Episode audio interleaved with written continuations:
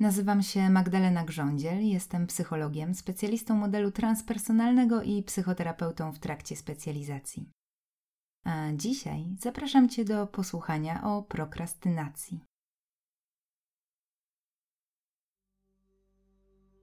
Czy zdarzyło Ci się kiedyś znaleźć w sytuacji, kiedy wpadłeś na jakiś pomysł, który wydawał się świetny, ale wymagał nieco pracy, a Ty odkładałeś jego realizację na później i później, aż w końcu po prostu o nim zapomniałeś? A może miałeś do wykonania jakieś zadanie w obszarze zawodowym, mające wykazać Twoje umiejętności i być argumentem przemawiającym za tym, że należy Ci się podwyżka? albo prywatnym, jak zwykłe pójście do lekarza, które nie wymagało natychmiastowej reakcji, ale przekładanie go w czasie spowodowało, że ostatecznie Twój awans czy konsultacja zdrowotna pozostały realne tylko w Twojej głowie?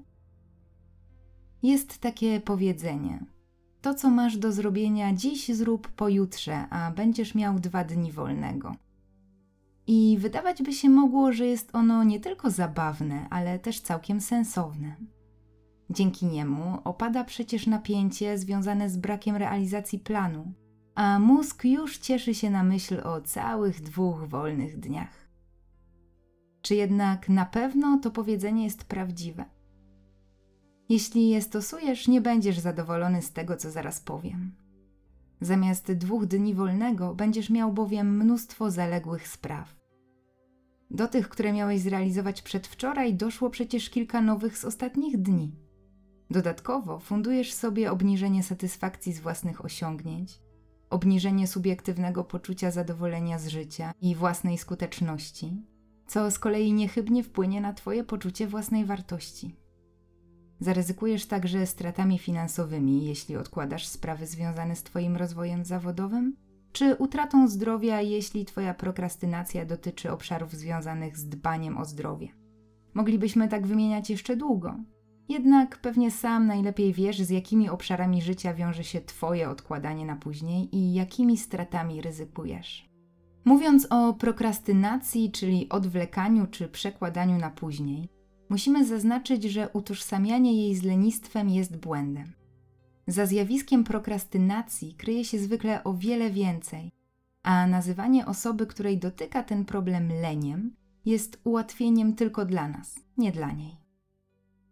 Oczywiście każdy człowiek jest inny i z każdym wiąże się inna historia. Jednak poszukując podłoża prokrastynacji u danej osoby, najczęściej odnajdujemy je w doświadczeniach związanych z dzieciństwem.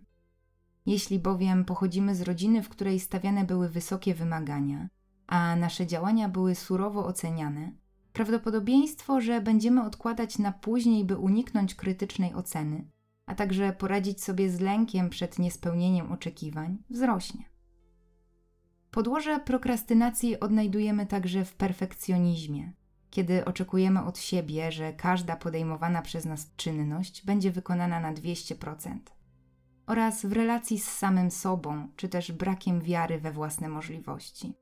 O ile strategia odkładania na później na początku nawet działa, obniża przecież na chwilę poziom lęku i pozwala zracjonalizować brak podejmowanych działań, o tyle na dłuższą metę skutkuje wyrzutami sumienia, obniżeniem nastroju i w oczywisty sposób oddala nas od naszych celów. Jak więc przestać prokrastynować? Przede wszystkim, chcąc coś zrealizować, nie stawiaj przed sobą jednego wielkiego celu, ale podziel go na mniejsze etapy. Dzięki temu będziesz mógł czerpać przyjemność i satysfakcję realizując każdy kolejny, mniejszy cel, zamiast czekać na nagrodę ulokowaną gdzieś w odległej przyszłości. Zamiast więc myśleć o tym, że musisz nauczyć się zupełnie obcego języka na jakimś poziomie, Zaplanuj, że każdego dnia nauczysz się jednego nowego słowa. Zamiast myśleć o końcowej fazie projektu, najpierw zaplanuj etap zebrania informacji, po którym nastąpi etap tworzenia notatek, następnie etap konsultacji i w końcu etap tworzenia. Dzięki temu, zamiast jednego trudnego do realizacji celu, będziesz miał cztery lub więcej, to zależy od ciebie, cele, których realizacja będzie mniej pracochłonna a zarazem bardziej przystępna i mniej rozłożona w czasie, a których sfinalizowanie będzie wiązało się z szybszym doświadczeniem satysfakcji. Zrób plan. Nasze mózgi potrzebują wiedzieć, co mają robić. Jeśli więc planujesz wdrożyć jakieś działania od jutra, już dziś zaplanuj ich przebieg tak, żebyś rano nie musiał zastanawiać się, od czego zacząć i jak się za to zabrać.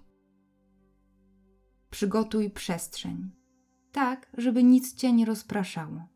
Jeśli pracujesz przy biurku, po prostu je posprzątaj, a leżące na nim stosy dokumentów, kolorowe długopisy i stare notatki nie będą odwracały Twojej uwagi od celu.